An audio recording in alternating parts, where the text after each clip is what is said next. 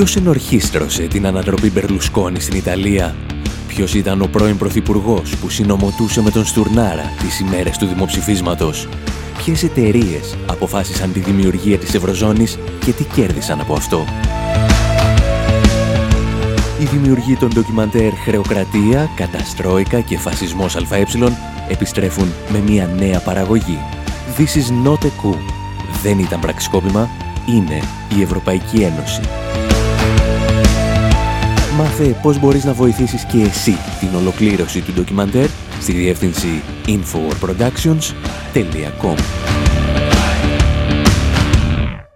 Η διεύθυνση infopavlawar.gr Η εκπομπή Infowar με τον Άρη Χατζηστεφάνου.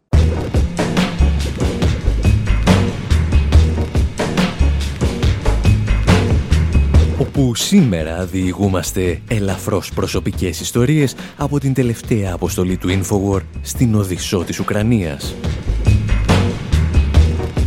Βρισκόμαστε αποκλεισμένοι σε ένα ξενοδοχείο από παραστρατιωτικές ναζιστικές ομάδες, οι οποίες, δόξα τω Θεώ, δεν φαίνεται να έχουν κανένα πρόβλημα με την Ευρωπαϊκή Ένωση ή με τις Ηνωμένες Πολιτείες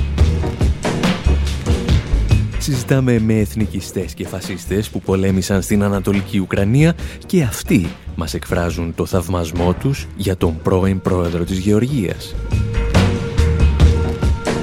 Και ύστερα αλλάζουμε ελαφρώς την αφήγηση, αλλά όχι και το θέμα της εκπομπής. Διηγούμαστε ιστορίες για τρεις όμορφες έως πολύ όμορφες Ουκρανές, έναν Γεωργιανό και για το State Department. Αναρωτιόμαστε πώς είναι να σου φέρνουν για πρωθυπουργό τον καταζητούμενο πρώην ηγέτη μιας άλλης χώρας και αυτός να διορίζει σε θέσεις κλειδιά του κρατικού μηχανισμού μερικά φωτομοντέλα. Полощет ветер флаги перемен Донбасс готов врага земли снести Он как боец поднимется с колен Чтоб вновь свободу обрести. Отступать больше некуда. Так бывало не раз Возродится Отечество. Возродится Донбасс.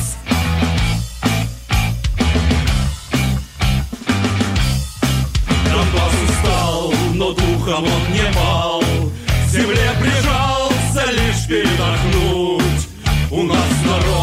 и крепок. И удал Победе светил наш нелегкий путь. Отступать больше некуда. Так бывало не раз. Возродится Отечество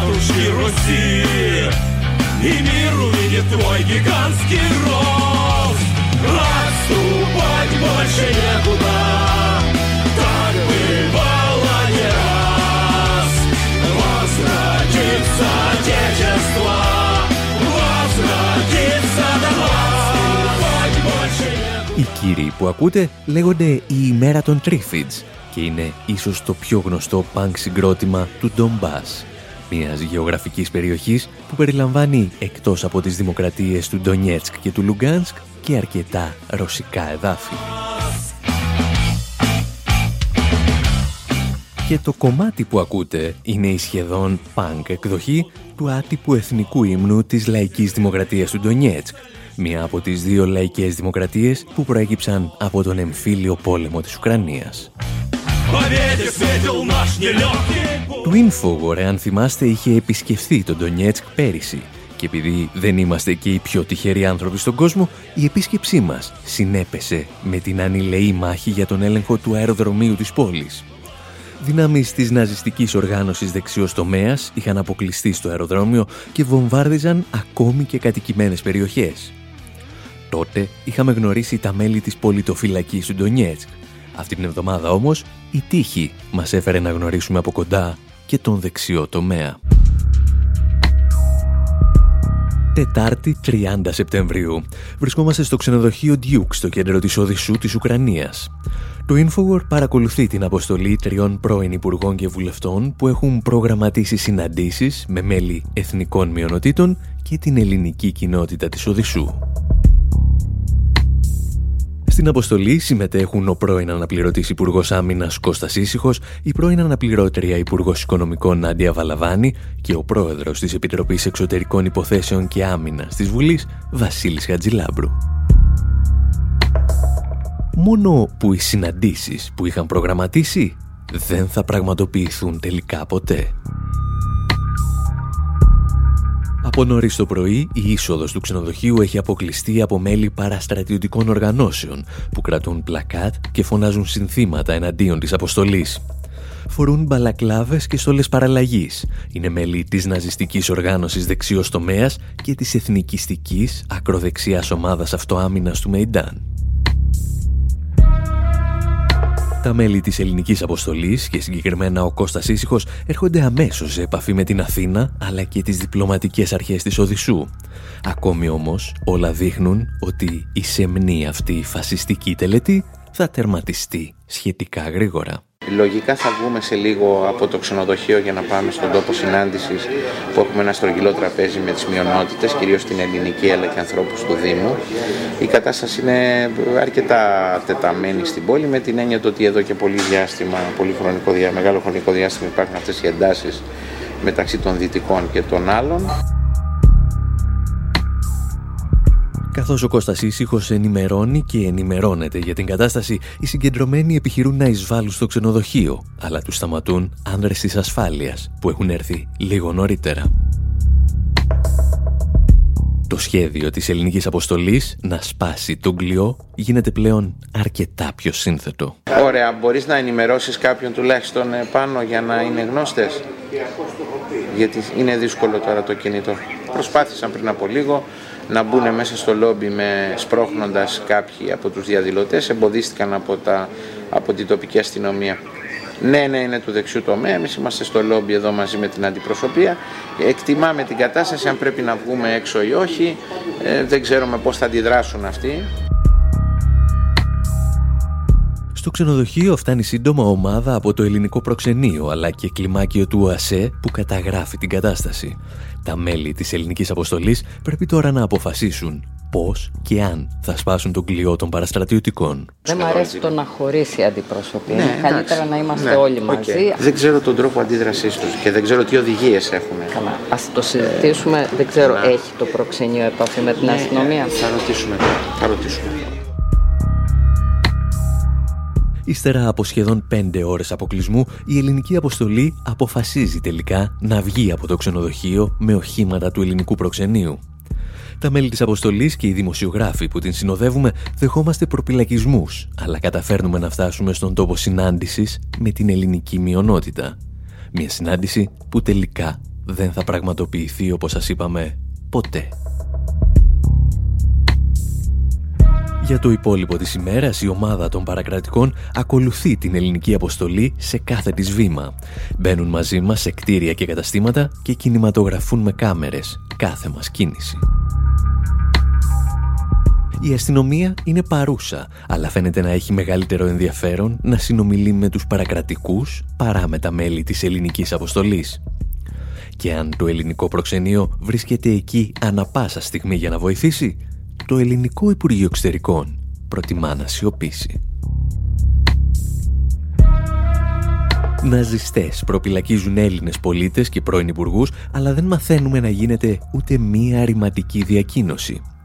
Άλλωστε, το να κυκλοφορούν ναζιστικά τάγματα εφόδου στην Ουκρανία γίνεται συνήθως με την ανοχή ή την ενθάρρυνση της Ευρωπαϊκής Ένωσης.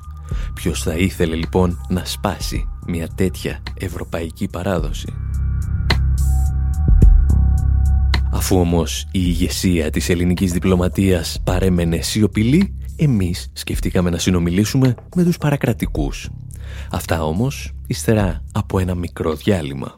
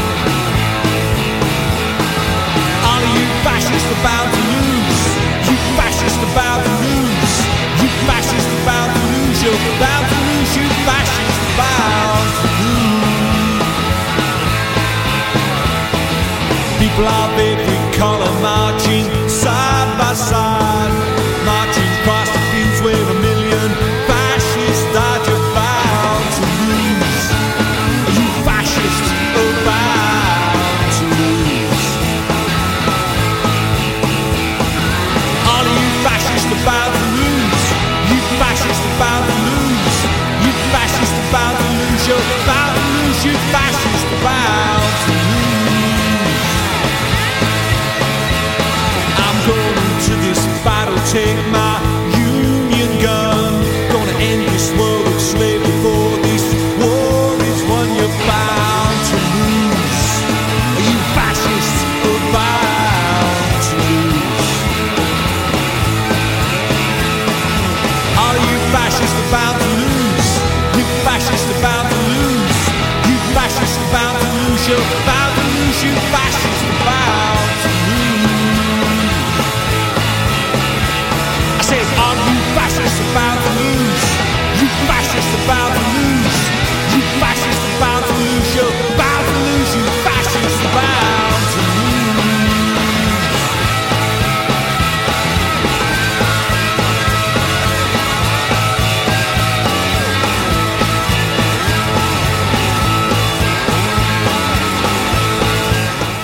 Εκπομπή Infowar με τον Άρη Χατζηστεφάνου διηγούμαστε ιστορίες και περιπέτειες από την τελευταία μας αποστολή στην Οδυσσό της Ουκρανίας.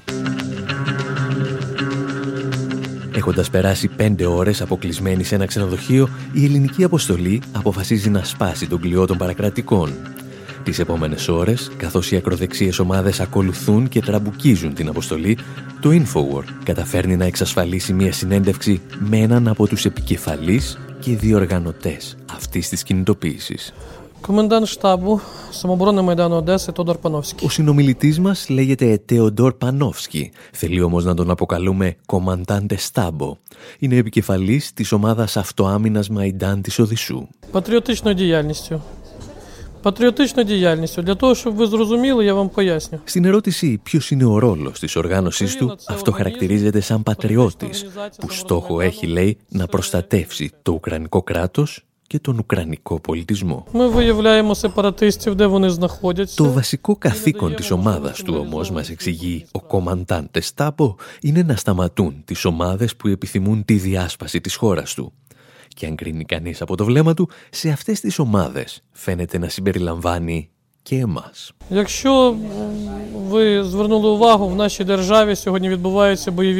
Φοράμε τις στρατιωτικές στολές, μας εξηγεί ο Τεοντόρ λίγο αργότερα, γιατί ανήκουμε σε ομάδες που πηγαίνουν στην Ανατολική Ουκρανία και συμμετέχουν στις στρατιωτικές επιχειρήσεις.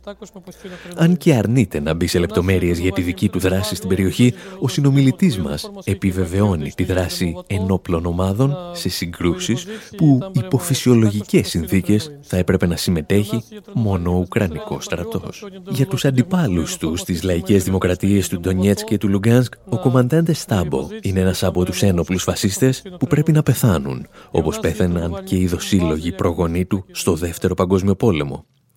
Ο ίδιος πάντως αρνείται τους χαρακτηρισμούς φασίστας ή ναζιστής. Η προπαγάνδα της Μόσχας σε αυτό το τομέα, λέει ο συνομιλητής μας, λειτουργεί πολύ αποτελεσματικά και τους επιτρέπει να παρουσιάζουν μια εντελώς διαφορετική κατάσταση από αυτή που πραγματικά υπάρχει. Όπως και η Χρυσή Αυγή στην Ελλάδα, τα μέλη της ομάδας αυτοάμυνας του Μαϊντάν δηλώνουν εθνικιστές, αλλά αρνούνται τον τίτλο του φασίστα ή του ναζιστή. Η συζήτησή μας με τον επικεφαλής της ομάδας αυτοάμυνας του Μαϊντάν συνεχίζεται και για τα πολιτικά ζητήματα της Ουκρανίας και της Οδυσσού αποφεύγει να απαντήσει στις ερωτήσεις μας για το αν θεωρεί ότι η Ευρωπαϊκή Ένωση θα έπρεπε να αποδέχεται τέτοιες ομάδες, όπως έκανε παλαιότερα με το Εθνικό Σοσιαλιστικό Κόμμα Σβόμποντα στο Κίεβο. Ο ίδιος θεωρεί ότι η ομάδα του δεν είχε ποτέ στήριξη ούτε από Ευρωπαίους, αλλά ούτε και από την κυβέρνηση του Κιέβου και το λέει παρά το γεγονός ότι οι δυνάμεις του έχουν πολεμήσει μαζί με τον Ουκρανικό στρατό στις περιοχές των Ρωσόφωνων της Ανατολικής Ουκρανίας. Ίσως πάντως το πιο ενδιαφέρον κομμάτι αυτής της συζήτησης για τις πολιτικές εξελίξεις στην περιοχή του είναι η θέση του για τον νέο κυβερνήτη της Οδυσσού, τον πρώην πρόεδρο της Γεωργίας, Μιχαήλ Σακασβίλη. Όταν τον ρωτάω πώς αισθάνεται που έφεραν να τον κυβερνά ένας πολίτης μιας ξένης χώρας, απαντά μονολεκτικά. Positivno. Θετικά. Αυτό όμως, οι νέες ισορροπίες δηλαδή που δημιουργούνται ύστερα από την άφηξη στην περιοχή του πρώην Προέδρου μιας ξένης χώρας, είναι το θέμα που θα μας απασχολήσει στο δεύτερο μέρος της εκπομπής.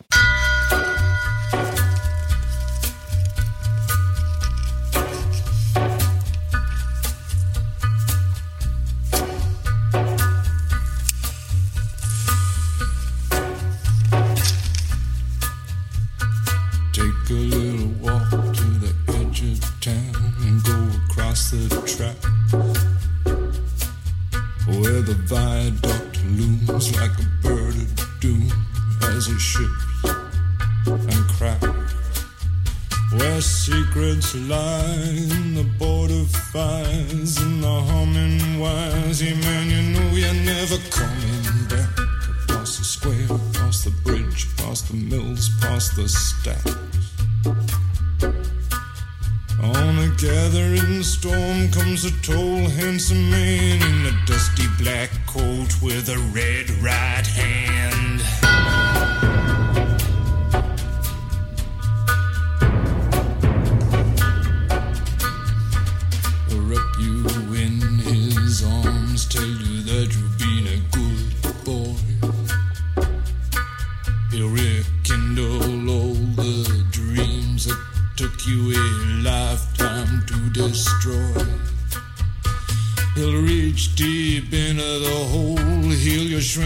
so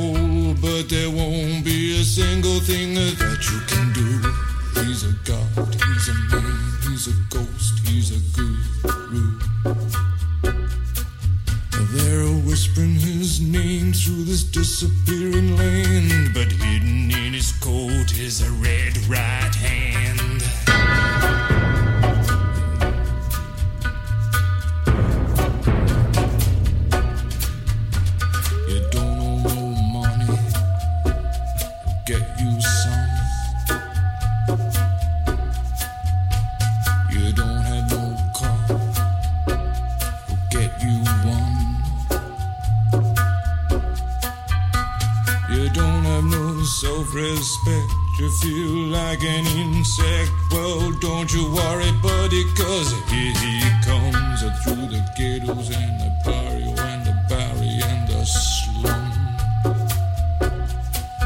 His shadow is cast wherever he stands, stacks of green paper in his red right hand.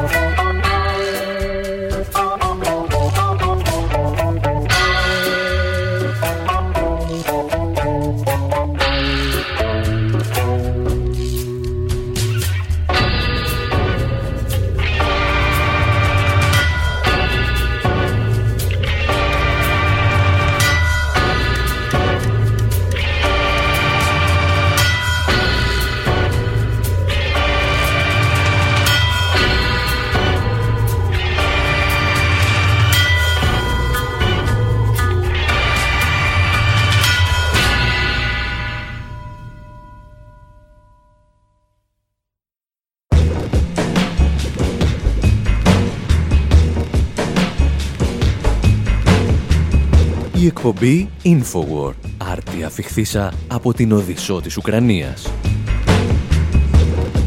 Όπου εκτός από μερικούς ναζιστές και φασίστες μπορεί να συναντήσει κανείς και ανθρώπους του State Department αλλά και φωτομοντέλα. Ανθρώπους δηλαδή που δεν είναι τόσο τρομακτικοί σε πρώτη όψη αλλά ενδέχεται να κάνουν πολύ μεγαλύτερη ζημιά σε βάθος χρόνου Για να καταλάβετε τι εννοούμε, αποφασίσαμε να σας διηγηθούμε ιστορίες για τρεις όμορφες έως πολύ όμορφες Ουκρανές, έναν Γεωργιανό και το State Department. Мишка, япончик, вор и бандит Вся Одесса мама за Мишку говорит Мишка, япончик, легендарный кент Будет в Одессе η μουσικούλα που ακούτε συνοδεύει ένα βίντεο στο YouTube από μια πρόσφατη δράση ακτιβιστών στην Οδυσσό. Κάποιοι τοποθέτησαν στο κέντρο της πόλης μια μεγάλη φωτογραφία του Μπαράκ Ομπάμα και δίπλα του μια φωτογραφία του νέου κυβερνήτη της Οδυσσού. Ως εδώ όλα καλά. Ποιος δεν θέλει άλλωστε να έχει μια φωτογραφία δίπλα στον πρόεδρο των Ηνωμένων Πολιτειών της Αμερικής. Το πρώτο πρόβλημα είναι ότι ο κυβερνήτης παρουσιάζεται στα τέσσερα, σαν σκύλος να γλύφει τον Αμερικανό πρόεδρο. Το δεύτερο πρόβλημα είναι ότι το συγκεκριμένο σκυλί του Ομπάμα είναι ο Μιχαήλ Σαακασβίλη, πρώην πρόεδρος της Γεωργίας, ο οποίος καταζητείται στη χώρα του για σειρά σκανδάλων διαφθοράς. Ο Σαακασβίλη, σε περίπτωση που έχετε χάσει τις τελευταίες εξελίξεις, διορίστηκε από τον πρόεδρο της Ουκρανίας ως κυβερνήτης της Οδυσσού. Και αν πιστέψουμε τις Ουκρανικές εφημερίδες, προαλήφεται και για πρωθυπουργός της χώρας. Κάποιοι δηλαδή σκέφτηκαν να τοποθετήσουν ως ηγέτη της Ουκρανίας κάποιον που δεν μιλά καλά-καλά τη γλώσσα της χώρας και το μοναδικό του προσόν είναι ότι δηλώνει πίστη στο ΝΑΤΟ, στο Διεθνές Νομισματικό Ταμείο και στην Ουάσιγκτον. Στην Ελλάδα κάποιοι κακεντρεχείς θα μπορούσαν να ισχυριστούν ότι ο μόνος ηγέτης που έφτασε να πληρεί αυτές τις προϋποθέσεις ήταν ο Γιώργος Παπανδρέου. Ο Σαακασβίλη βέβαια δεν είχε ποτέ τέτοια προβλήματα και στη Γεωργία άλλωστε κατέλαβε την εξουσία ύστερα από μια πολύχρωμη επανάσταση Με μια μικρή βοήθεια δηλαδή από το Ίδρυμα του George Soros και την Αμερικανική Υπηρεσία Διεθνούς Ανάπτυξης, η οποία ελέγχεται απευθείας από το Λευκό Οίκο. This is a velvet revolution, the greatest day in the history of this nation. Not a shot was fired, not a single shot. People overwhelmed and really, really Εκείνες τις ημέρες του 2003 ο ίδιος εξηγούσε ότι είναι υπερήφανος γιατί ήρθε στην εξουσία με μια κλασική ευρωπαϊκή επανάσταση στην οποία όπως έλεγε δεν έπεσε ούτε ένας πυροβολισμός. Κανένας δυστυχώς δεν βρέθηκε να του πει τότε ότι συνήθως οι αληθινές ευρωπαϊκές επαναστάσεις είναι βυθισμένες στο αίμα και οι ανέμακτες ανατροπές καθεστώτων ενίοτε αποκαλούνται και πραξικόπημα. Στα επόμενα χρόνια ο Σακασβίλη κατηγορήθηκε ότι μετέτρεψε τη Γεωργία σε αμερικανικό προτεκτοράτο. Δημιούργησε μάλιστα και μία αυλή από συμβούλους οι οποίοι είχαν προνομιακές σχέσεις με τις Ηνωμένες Πολιτείες. Όπως λόγου χάρη ο γνωστός μας Άλεξ Ρόντος, πρώην σύμβουλος και του Γιώργου Παπανδρέου. Εμάς όμως σήμερα μας ενδιαφέρει τι ακριβώς θα κάνει στην Ουκρανία και όχι στη Γεωργία. Και η απάντηση είναι ότι στη θέση του Άλεξ Ρόντος αποφάσισε να φέρει μερικά φωτομοντέλα. Αυτά όμως θα τα πούμε ύστερα από ένα μικρό διάλειμμα.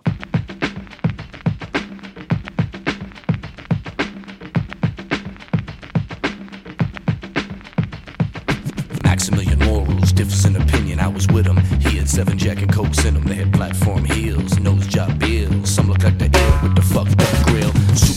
on my D, one, two, three. He said two for you, two for me. Face like a saint, sucking like a sinner. Cocaine makes you thinner, cocaine makes you thinner. Mm. I got supermodels on my D. D. I got supermodels on my D. D. I got supermodels on my D. Roger Grimsby on Eyewitness Newsman. He'll tell you the truth while he's singing the blues, just like Gasarama on Avenue B. He'll check under the hood, man, and teach you Tai Chi. He laughed with a gesture, order drinks for the girls. He said, You gotta have the love in this fucked up world. You gotta have the love in this fucked up world. You gotta have that sweet,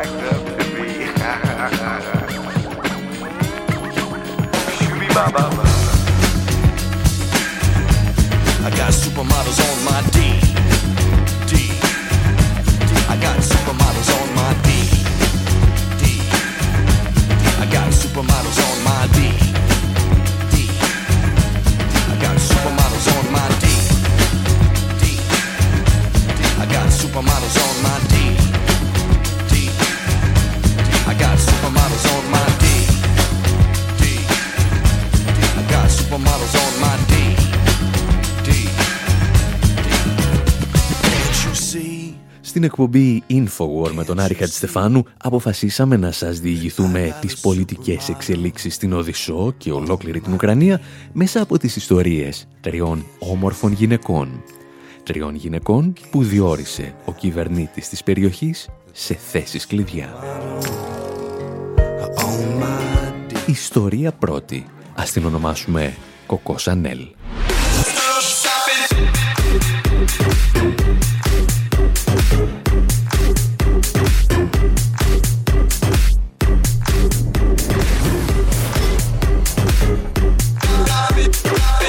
Αν ανοίξετε για 5 λεπτά μια συσκευή τηλεόραση στην Οδυσσό, θα παρατηρήσετε ότι ανάμεσα σε δεκάδες τηλεοπτικούς σταθμούς υπάρχουν τρία κανάλια μόδας. Σε αυτά, ευηδείς νεαρές παρουσιάζουν τις εξελίξεις από τα ντεφιλέ της Ευρώπης και της Ουκρανίας. Как говорила великая Коко Шанель, принимать модные новинки необходимо незаметно, маленькими порциями. Τη συγκεκριμένη νεαρά που ακούτε πάντως την λένε Άννα Πίντσεβα και φροντίσαμε να μάθουμε μερικά πράγματα για αυτήν. Ο μπαμπάς της, λέει, ελέγχει νυχτερινά κέντρα στην Οδυσσό και η ίδια, όταν δεν παρουσίαζε ντεφιλέ, φωτογραφιζόταν γυμνή σε ανδρικά περιοδικά. Όλα αυτά όμως μέχρι τη στιγμή που η Ουκρανική τηλεόραση μετέδωσε την παρακάτω είδηση. Μη σας τρομάζει ότι δεν γνωρίζετε τη γλώσσα, τις λέξεις που χρειάζεστε, τις ξέρετε. 28-летняя фотомодель Анна Пенчева возглавила пресс-службу Одесской милиции. Таким образом, она стала лицом региональной структуры, возглавляемой Михаилом Саакашвили. Από αυτή την πρόταση χρειάζεται να συγκρατήσετε μόνο τις λέξεις φωτομοντέλ, Άννα Πίντσεβα, μιλίτσια, Σαακασβίλη. Όλα τα άλλα, όπως θα έλεγε και μια διαφήμιση, είναι μπλα μπλα μπλα εσώρουχα, μπλα μπλα μπλα κρεβάτι μας.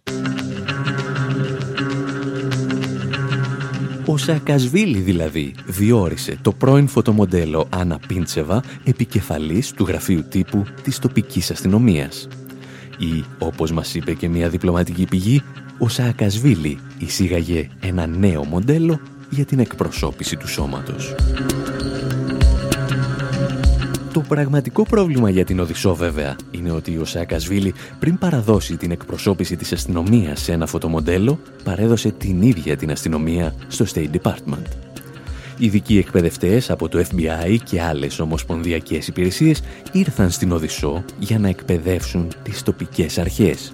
Τα εξηγούσε άλλωστε γεμάτος περηφάνεια και ο απεσταλμένος του State Department, William Brownfield. They asked for cooperation and support from the government of the United States and I was proud Ζήτησαν τη συνεργασία και τη στήριξη της κυβέρνησης των ΗΠΑ και είμαι περήφανος να την προσφέρω εκ μέρους του Γραφείου Διεθνούς Δίωξης Ναρκωτικών και του State Department. Η απόδοσή τους είναι αυτή που θα θέλαμε από κάθε αστυνομική δύναμη σε μια μεγάλη πόλη και περιφέρεια. police would perform in a large city and a large oblast. Κάποιος θα μπορούσε βέβαια να ισχυριστεί ότι αυτό δεν αποτελεί πρόβλημα. Και η ελληνική αστυνομία άλλωστε λαμβάνει εκπαίδευση από Αμερικανούς αξιωματούχους. Κάποιοι άλλοι μάλιστα θα μας υπενθύμιζαν ότι οι ειδικοί φρουροί της ελληνικής αστυνομίας εκπαιδεύτηκαν ακόμη και από μισθοφόρους της εταιρείας δολοφόνων Blackwater πριν από τους Ολυμπιακούς του 2004. Εμείς πάλι θα σας θυμίσουμε ότι η Ελλάδα δεν αποτελεί αυτό που θα λέγαμε πρότυπο εθνικά κυρίαρχου κράτους. Μιλώντας πάντως για εθνική κυριαρχία και State Department, φτάνουμε στη δεύτερη ιστορία μας, με μια ακόμη πιο όμορφη νεαρά. Μια ιστορία που θα μπορούσε να ξεκινά κάπου στις ζούγκλες του Βιετνάμ. One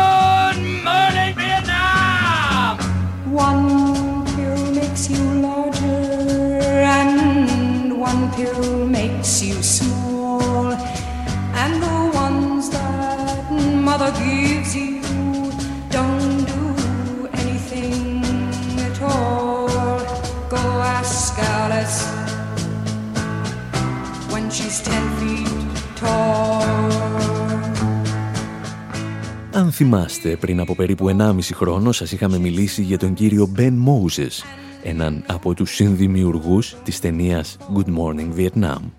Ο Moses υπηρέτησε πραγματικά στον ραδιοφωνικό σταθμό της Saigon, τον οποίο περιγράφει και στην ταινία του.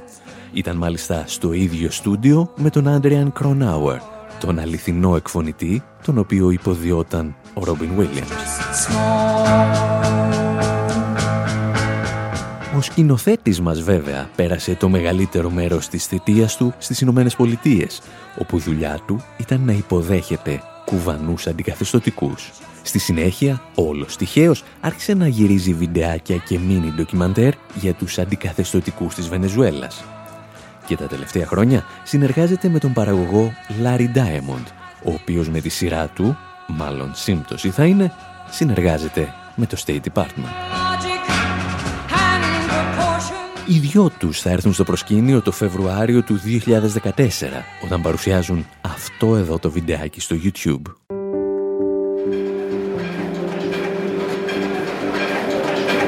I am the Ukrainian, the native of Kiev.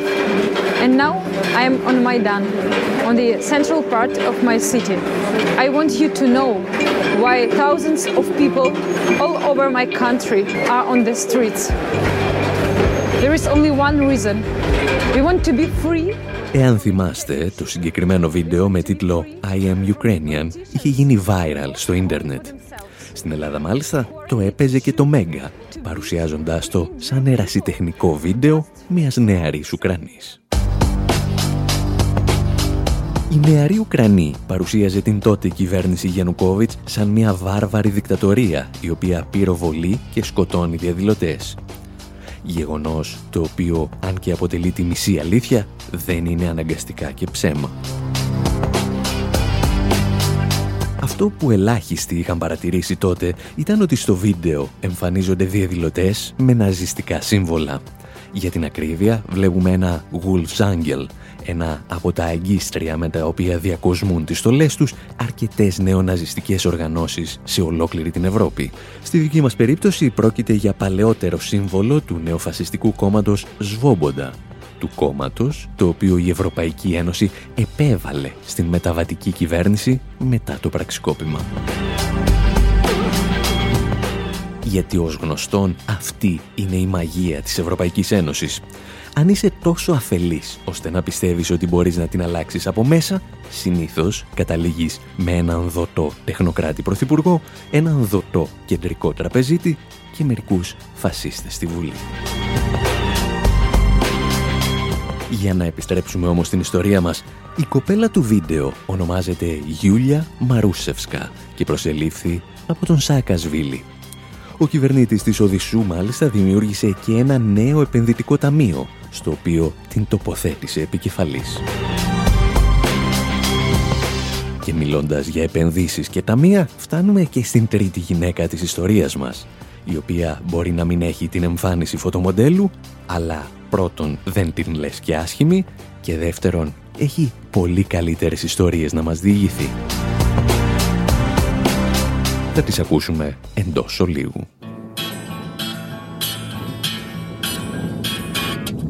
Благополучия, театр цивильности, в яме, в доме терпимости. Ты видел когда-нибудь? Глянь за кулисы, как в амбарах фестиваля, жирные крысы. Чем меньше знаешь, тем крепче спишь. Чем больше плачешь, меньше поссышь. Свобода химера, вся жизнь ожидаловка, произвол, беспредел. И наебало, поэтому флаг мой не будет белым. Мой флаг никогда не будет желтым. Мой флаг голубым никогда не будет. Мой черный флаг. Поэтому флаг мой не будет белым. Мой флаг никогда не будет желтым. Мой флаг голубым никогда не будет. Мой черный флаг.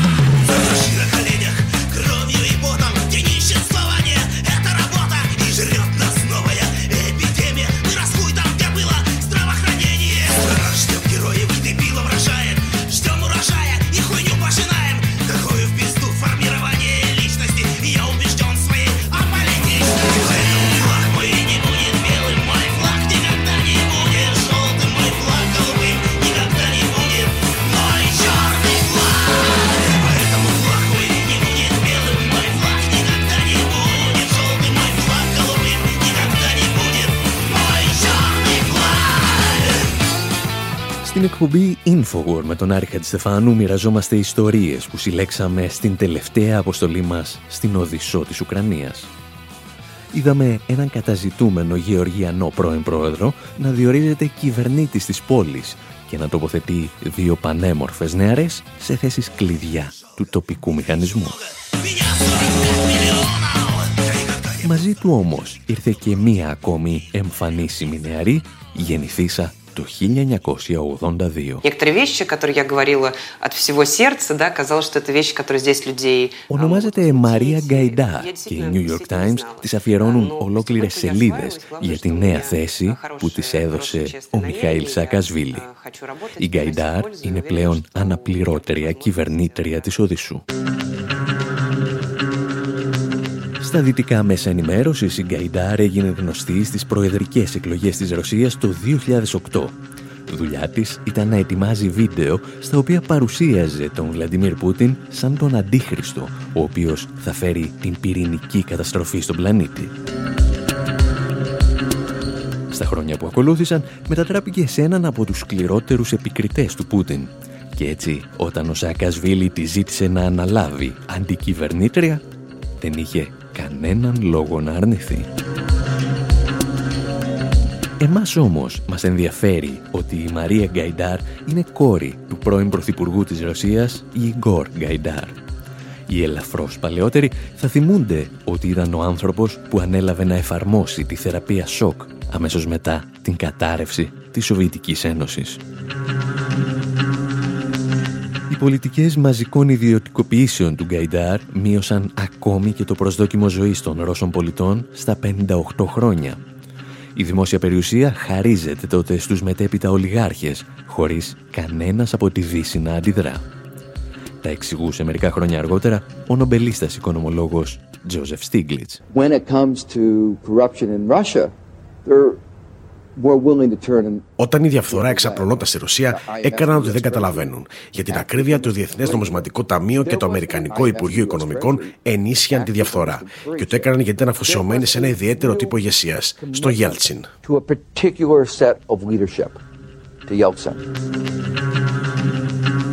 Ο βασικός παίκτης που δεν αντέδρασε τότε στη διαφθορά και το ξεπούλημα της δημόσιας περιουσίας ήταν όπως πάντα το Διεθνές Νομισματικό Ταμείο.